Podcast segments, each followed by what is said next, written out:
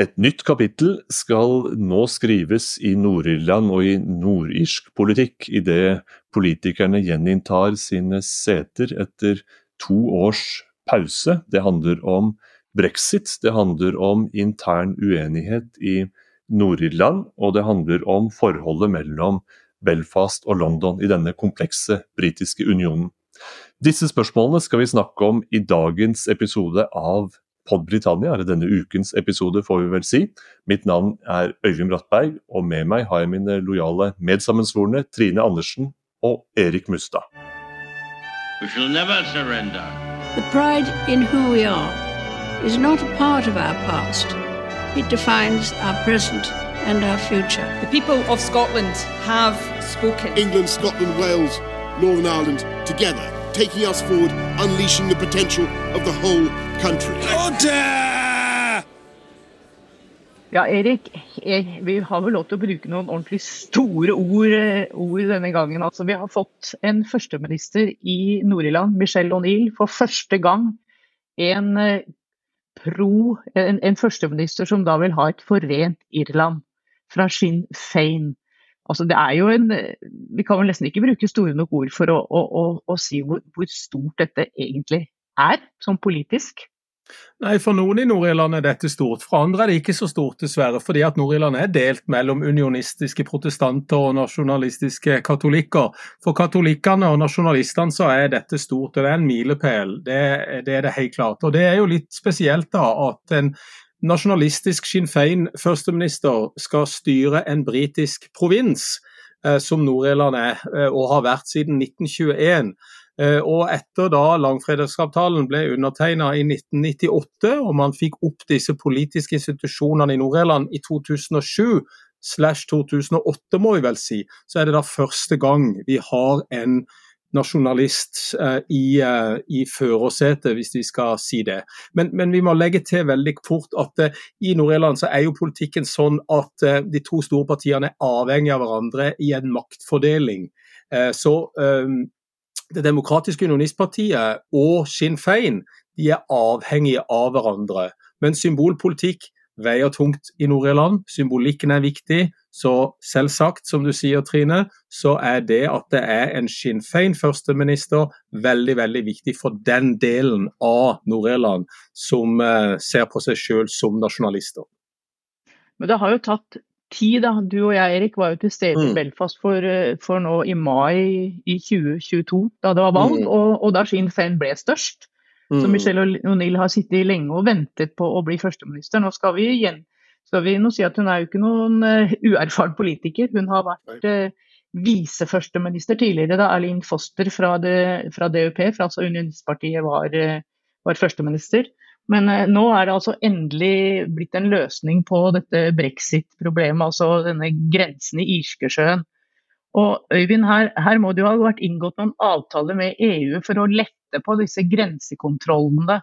Men hvor, hvor permanent tror du dette er? Tror du det kan skjære seg igjen? Jeg er nok redd du tar munnen litt for full når du sier at man har funnet en løsning for det. det jeg tror man i beste fall kan kalle det et, eh, et, et kompromiss og, og en, en, en, måte å, å, få dette til å fungere under, si, under omstendigheter som mange hadde trodd ville være veldig vanskelig å, vanskelig å håndtere, rett og slett. For den, det er sant nok at den grensen er mindre synlig nå, men det er fortsatt slik at uh, Nord-Irland både skal være en del av den britiske unionen, og statsrettslig er det jo åpenbart det. Og samtidig så skal man også følge gjeldende EU-rett på, på, på, mange områder og være i praksis del av EUs indre marked. Og det meste av det ble jo det kompromisset, Hoveddelen av det kompromisset ble jo løst med dette Windsor-rammeverket for, for et års tid siden.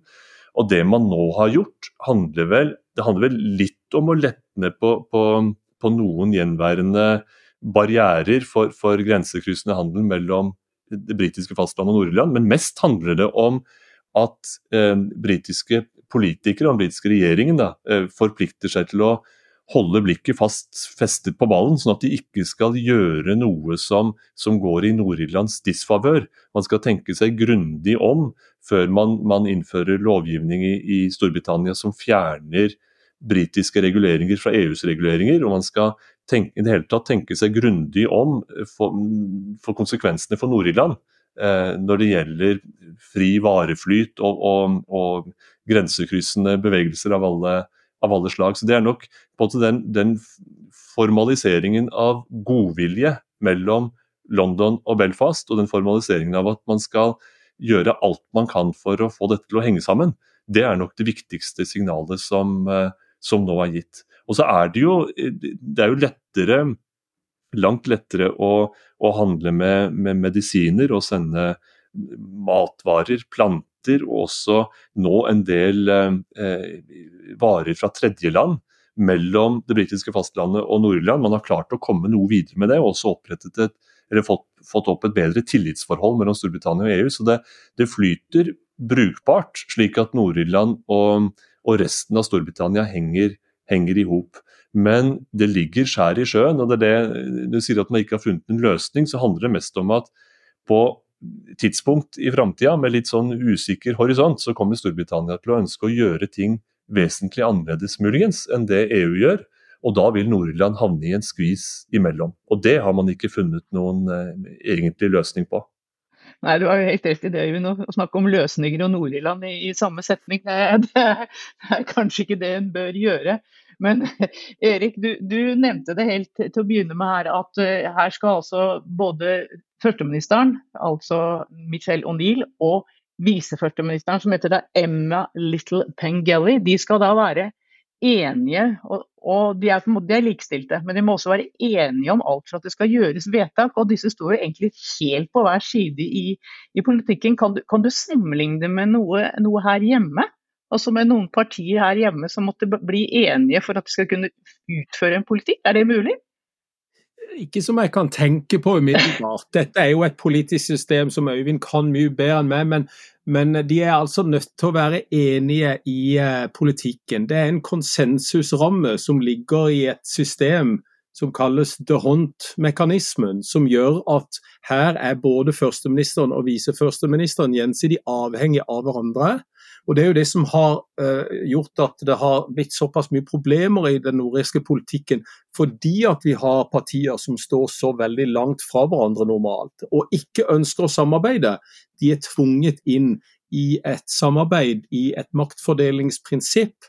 Rett og slett fordi at uh, historien til Nord-Irland gjør at uh, de er livredde i London for at den ene tradisjonen skal overstyre den andre tradisjonen.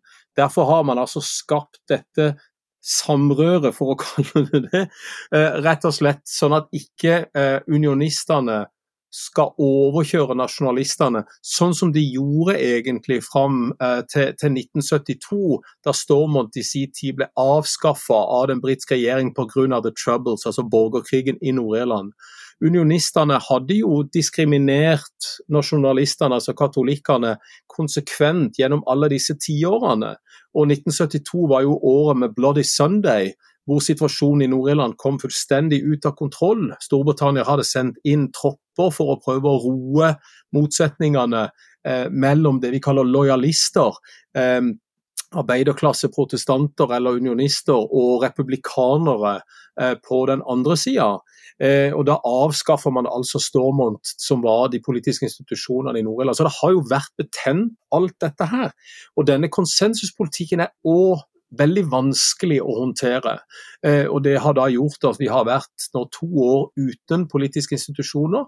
Fordi at når den ene ministeren trekker seg, enten uh, førsteministeren eller viseførsteministeren, ja, så faller alle de politiske institusjoner sammen. Fordi at de har denne her gjensidige avtalen i denne mekanismen som ligger der. Men, men dette systemet kan jo du Øyvind bedre enn meg, kan du ikke det?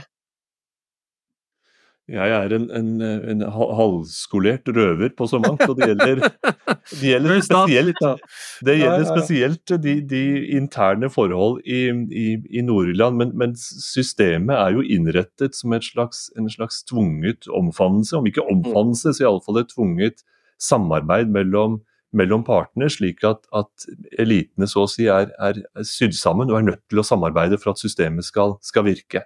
Mm. Og Det høres jo um, klokt ut, det, for å sikre at begge parter er med, men det betyr også at når den ene part saboterer, så, så kommer man til, en, til, til, stillstand, slik man har gjort disse siste to årene. Og nå er jo, dette er jo, Troverdigheten til dette systemet er jo virkelig spent til bristepunktet når man har har eh, lagt de politiske institusjonene døde over, eller satt de på pause i så lang tid som man nå har, så er jo det en veldig alvorlig legitimitetskrise, må man si. Så det var, var virkelig i siste liten eh, Siste liten kan man kanskje diskutere, men det er iallfall en legitimitet som er, som er tøyd veldig langt. Eh, når man nå omsider har klart å, å få valgte politikere til å innta sine poster. Så får man bare håpe at det at det varer. Men jeg tror nok at tillit er, veldig av et sånt stikkord her. Tillit mellom partene i, i, i Belfast. Tillit mellom Belfast og, og London eh, og, og, institusjonene der. og Den har jo, har jo også vært tæret på, kan man si. Spesielt fordi Det konservative partiet og Boris Johnson spesielt tok noen, noen snarveier i sin, eh, den avtalen man omsider landet med EU. Som gjorde at nordirske unionister jo ikke akkurat følte seg godt, godt ivaretatt.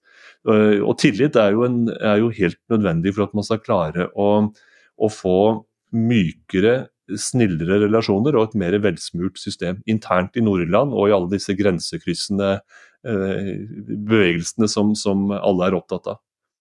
Og så tror jeg det er stor spenning nå knytta til disse to damene som sitter og styrer. De har begge sagt at de ønsker å samarbeide til det beste for det nordirske folket. Der ligger masse politiske saker på vent som ikke er blitt håndtert, fordi at Nord-Irland er styrt i to år nesten fra London sammen med embetsverket i Belfast. Så det har vært en veldig tung periode for Nord-Iran, dette. Derfor så ble jo eh, enigheten iallfall bejubla eh, i, eh, i Nord-Irland blant nordirere, fordi at de ser nå en mulighet til at de politiske hjulene kan komme opp og gå igjen. Men det er jo skjørt i utgangspunktet, i tillegg til det at de står veldig langt fra hverandre politisk, Trine. Ja, men Kan det ikke også være en kompliserende faktor for disse to damene som, som vi snakker om her, altså Michelle O'Neill og Emma Little Pengelli, at ingen av dem er partiledere? Altså, jo, for, for eh, Michelle O'Neill hun er jo da nestleder i Sinn Fein. Lederen er jo som vi vet Mary Lou MacDonald som sitter i mm. parlamentet i Dublin. Mm. Og i DUP, altså Det demokratiske unionistpartiet som uh, Little Pengelli tilhører, så er det jo Jeffrey Donaldson som er leder. Han sitter i parlamentet i London. Han kan derfor heller ikke være viseførsteminister i, mm. i Nord-Irland, for da måtte han uh, være medlem av Stormont-parlamentet. Så, mm. så, de har vel en vei, de, de kan vel ikke bare det, Dette vil komplisere det for dem, at de kanskje må gå til partiledelsen for å, å ta, for, å, for å, ta, et felles vedtak. Jeg vet ikke. Det, det, det virker komplisert dette her. Og så, og så, er de også fra to veldig forskjellige bakgrunner. Så de har en utrolig vanskelig oppgave. Ja da, og, og, som du sier, eh, Sinn Fein er jo også et irsk parti. De er jo kjempestore, blitt i Irland. Eh, og så har vi da Michelle O'Neill som er nestleder for hele Sinn Fein som første eh, minister i Nord-Irland. Eh, så du har helt rett i, i, det. Men hvis du ser det fra et annet perspektiv, så kanskje dette vil lette samarbeidet. De sitter ikke med de tunge partiledervervene, noen av de. Det er kanskje lettere for de å skape en tillit til hverandre, rett og slett fordi at ikke de svarer som ledere til en stor partiorganisasjon som enten sitter i Dublin eller i Nord-Irland. Det demokratiske unionistpartiet er jo representert som du sier, i det britiske underhuset, men de er jo bare i Nord-Irland, mens Sinn Fein er både i Irland og Nord-Irland, fordi at det er et katolsk, republikansk, nasjonalistisk parti. Så, så, så de har jo store partisystemer eh, store partiorganisasjoner i ryggen. Eh, og de må jo konsultere sine ledere, og helt sikkert disse store eh, councilene som vi har snakka om før, når vi har snakka om Nord-Irland, spesielt i, i, Det demokratiske unionistpartiet. Så det er klart at det er en vanskelig eh, vei, og kronglete vei. Men jeg, jeg, så på egentlig dette på en annen måte og tenkte at kanskje disse to får det litt lettere, fordi at de er ikke ledere, rett og slett. Og kan bygge opp en tillit mellom seg som gjør at man kan få disse bread and butter eh, issues, altså disse dagligdagse politiske spørsmålene, unna vei litt. Grann.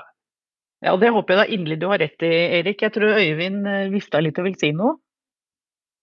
Ja, jeg lurer, litt på, jeg trenger litt klargjøring fra, fra, deres side. og Kanskje du kan ta opp den, ta den ballen på, på hel volley, så å si, Erik. Det, det, mange vil vel huske den gangen, eh, altså fra fredsprosessen, langfredagsavtalen og også Nobels fredspris tilbake i, i 1998, at da var det jo andre parter på, på begge sider av konflikten i Nord-Irland.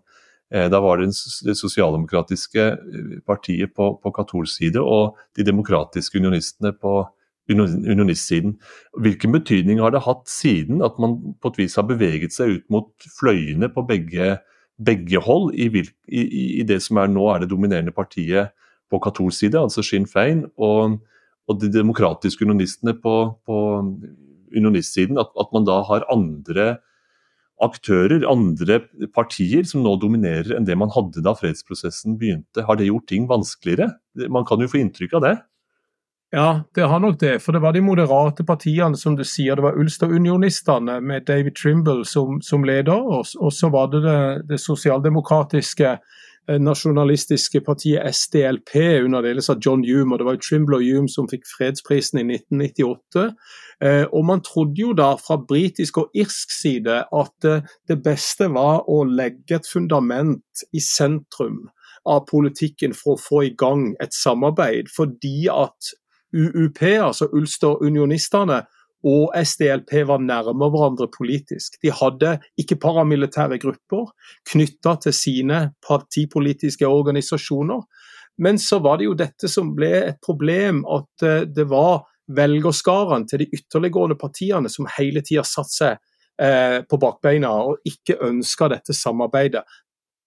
Velgerskaren til Det demokratiske unionistpartiet ønska jo ikke langfredagsavtalen i det hele tatt. Vi husker da Yin Paisley, den tidligere lederen og stifteren av demokratiske unionistpartiet, ikke ønska å være med i forhandlingene om langfredagsavtalen.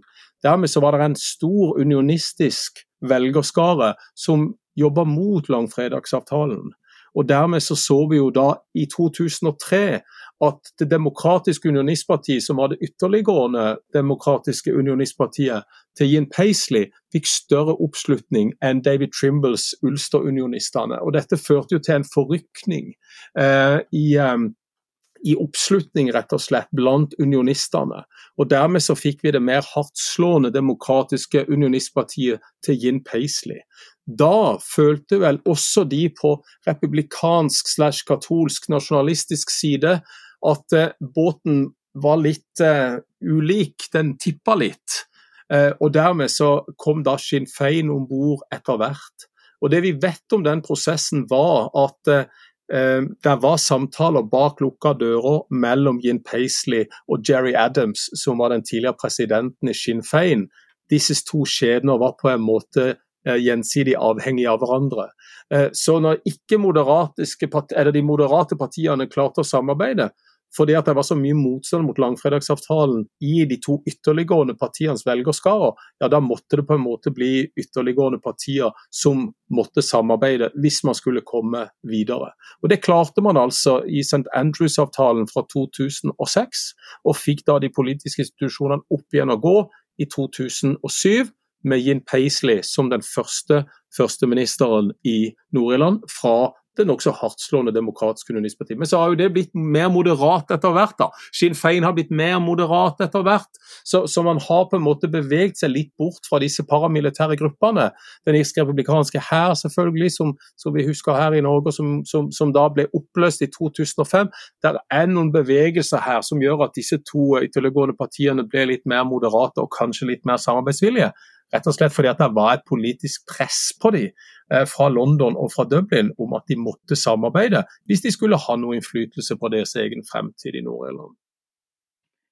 Men vi, vi, kan vel nesten ikke snakke om dette her uten å, å snakke om, eh, om eh, irsk gjenforening. Altså, det er jo, Michelle O'Neill sa jo ikke noe om det i sin eh, tiltredelsestale i, i Stormont-parlamentet, men hun var ganske kjapt ute etterpå, som hun også har sagt før, at en irsk gjenforening eh, tror hun er mulig i løpet av ti år. Og det skal være et valg i Irland neste år. Der kan Mary Lou MacDonald, altså Sinn Feins leder, eh, hun kan faktisk eh, bli ny statsminister i, i, Irland. Og hvis vi da har en Sinn Fein statsminister i republikken Irland og en førsteminister i Nord-Irland fra Sinn Fein, så endrer vel ganske mye seg. og da, da kan, kan, tror, tror du, Erik, som, som kan mest om Nord-Irland her, at, at, en såkalt border poll, altså en folkeavstemning, vil presse seg fram om, om irsk gjenforening? De siste kommentarene jeg har sett uh, i, i, denne debatten, uh, har vel sagt at i løpet av 15-20 år så regner de med at Nord-Irland vil bli gjenforent med Irland. Uh, og Det var også en unionistisk kommentator som skrev dette, som trodde at det var ikke noe vei utenom dette. fordi Det handler jo litt om når kan man ha en folkeavstemning.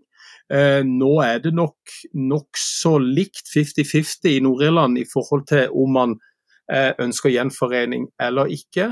Eh, så skal også Irland ha en folkeavstemning eh, og få lov til å si sitt i denne saken. Så denne border-polen eller folkeavstemningen, eller de to folkeavstemningene, ligger nok litt frem i tid. Men det er, det er, nok dit vi er på vei. Spørsmålet er vel bare hvor lang tid det kommer til å ta. Og hvilke skjær i sjøen som kommer til å, å være der. For, for som Øyvind sa, i forhold til EU, i forhold til løsning for Nord-Irland. En løsning for Storbritannia er jo selvfølgelig at Nord-Irland blir en del av Irland. og Da blir de automatisk et EU-medlem igjen, fordi at Irland er et EU-medlem. Det husker vi fra gjenforeningen mellom Øst-Tyskland og Vest-Tyskland i sin tid. At Øst-Tyskland som gikk inn i Stor-Tyskland, Eh, ble jo da automatisk med i EU. Så, så Det er jo en måte for Storbritannia å se at hvis det er en folkeavstemning som sier at det er et flertall i Nord-Irland som ønsker gjenforening med Irland, så er de på en måte skal vi si, kvitt mange av disse utfordringene. Men så har de disse unionistene som selvfølgelig ikke ønsker det. Og, og de lagde jo da en del eh, furore nå i forbindelse med brexit. Og Det er jo et veldig interessant paradoks at, at uh, det, det, demokratiske unionistpartiet var jo, de førte jo valgkamp for, for, brexit og ønsket seg utmelding på grunnlag av en slags britisk nasjonalisme. Men nå har jo brexit vist seg å være uh, ødeleggende for deres forhold til den britiske unionen. Det undergraver jo den, den enhet som, som Storbritannia er, er, bygget på. Og det er en, en effekt som i, som man nok ikke tok høyde for. Og som jo truer hele den eh, nordirske tilhørigheten til, til Storbritannia som, som, partiet jo ønsker seg og har kjempet for og er tuftet på det hele. Og For Sinn Fein så er det jo på et vis eh, den katolske siden i Nord-Irland ønsket seg jo ikke ut av, ønsket jo ikke Storbritannia ut av EU, de ønsket jo fortsatt eh, tilhørighet til denne, dette europeiske fellesskapet. Men nå finner man jo at, at Storbritannias utmelding har blitt en slags vektstang for de som ønsker britisk, nei, unnskyld, de som ønsker gjenforening og, og samling av Irland. Eh, slik, slik, som den, eh, gravitasjonen trekker i den retningen. Akkurat som du skisserer, eh, Erik, så er det vel mange som tenker slik at i et lengre tidsperspektiv så, så vil det mm, avtegne seg som den mest naturlige løsningen, fordi Nord-Irland henger sammen med Irland i, i, form av ikke bare kultur og politikk kan man argumentere for, men også så åpenbart økonomi, eh, at det vil være, virke som den rimeligste løsningen. Ja, nå, nå, nå vi alle, er vi oppe i et valgår. Det skal velges et eh, parlament i, i London. Det, det, har vi ikke snakket så mye om, men vi kan kanskje helt til slutt si litt om det. For i det parlamentet så fikk vel ved valget i 2019, nå må du korrigere meg hvis jeg ikke husker helt riktig, Erik, så fikk vel egentlig Sinn Fein åtte representanter, var det det, til, mm. uh, til Underhuset. Men de tar jo altså ikke sete i Underhuset, og det kommer de vel ikke til å gjøre ved dette valget heller. Men eh, selvfølgelig, valgoppslutningen vil jo si noe om eh, maktforholdet mellom de to partiene. Men kan du si litt Erik, om, om hva det er som gjør at uh, Sinn Féin absolutt ikke vil sitte i, i parlamentet i, i London? De, få, de, kunne jo fått en voldsom innvirkning der også. Ja, De vil jo ikke sverge troskap til den britiske monarken, så det er jo hovedgrunnen til at ikke de vil ta sine seter. De mener jo, veldig mange av de enda, at Storbritannia er en kolonimakt i Nord-Irland og ikke har noe i Nord-Irland å gjøre. For de er jo for gjenforening med Irland og ett Irland. Så den lange, som vi nå tar til den korte historien, er jo at ikke de ønsker å bekjenne seg til eh, det britiske konstitusjonelle monarkiet med, med kong Charles som overhode. Så, så det er den korte forklaringen på hvorfor Sinn Fein ikke ønsker å sitte i parlamentet. Det er ingenting som tyder på at det kommer til å bli noe annerledes etter neste valg, men det viser jo at de har stor oppslutning i Nord-Irland. Det så vi jo også i det nordiske valget, som du nevnte, Trine, i mai 2022, at de nå er det største partiet i Nord-Irland. Så får vi se da ved det britiske parlamentsvalget eh, om de enda er det største partiet. For det er jo også, som Øyvind nevnte, en milepæl mot det at de kan få et, eventuelt etter hvert en folkeavstemning for å vise om eh, tilhørigheten til Irland eller eh, Storbritannia er, er sterkest. Og så må vi si helt til slutt at det er ikke alle nasjonalister som er for gjenforening med Irland, og det er ikke alle unionister som heller ønsker å forbli i Storbritannia. Så det er et grå det er, det er, mange shades of grey, som vi sier på godt norsk, og det er et komplisert bilde. Mye mer nå enn det det var tidligere. Så vi får nesten vente og se hvordan dette går.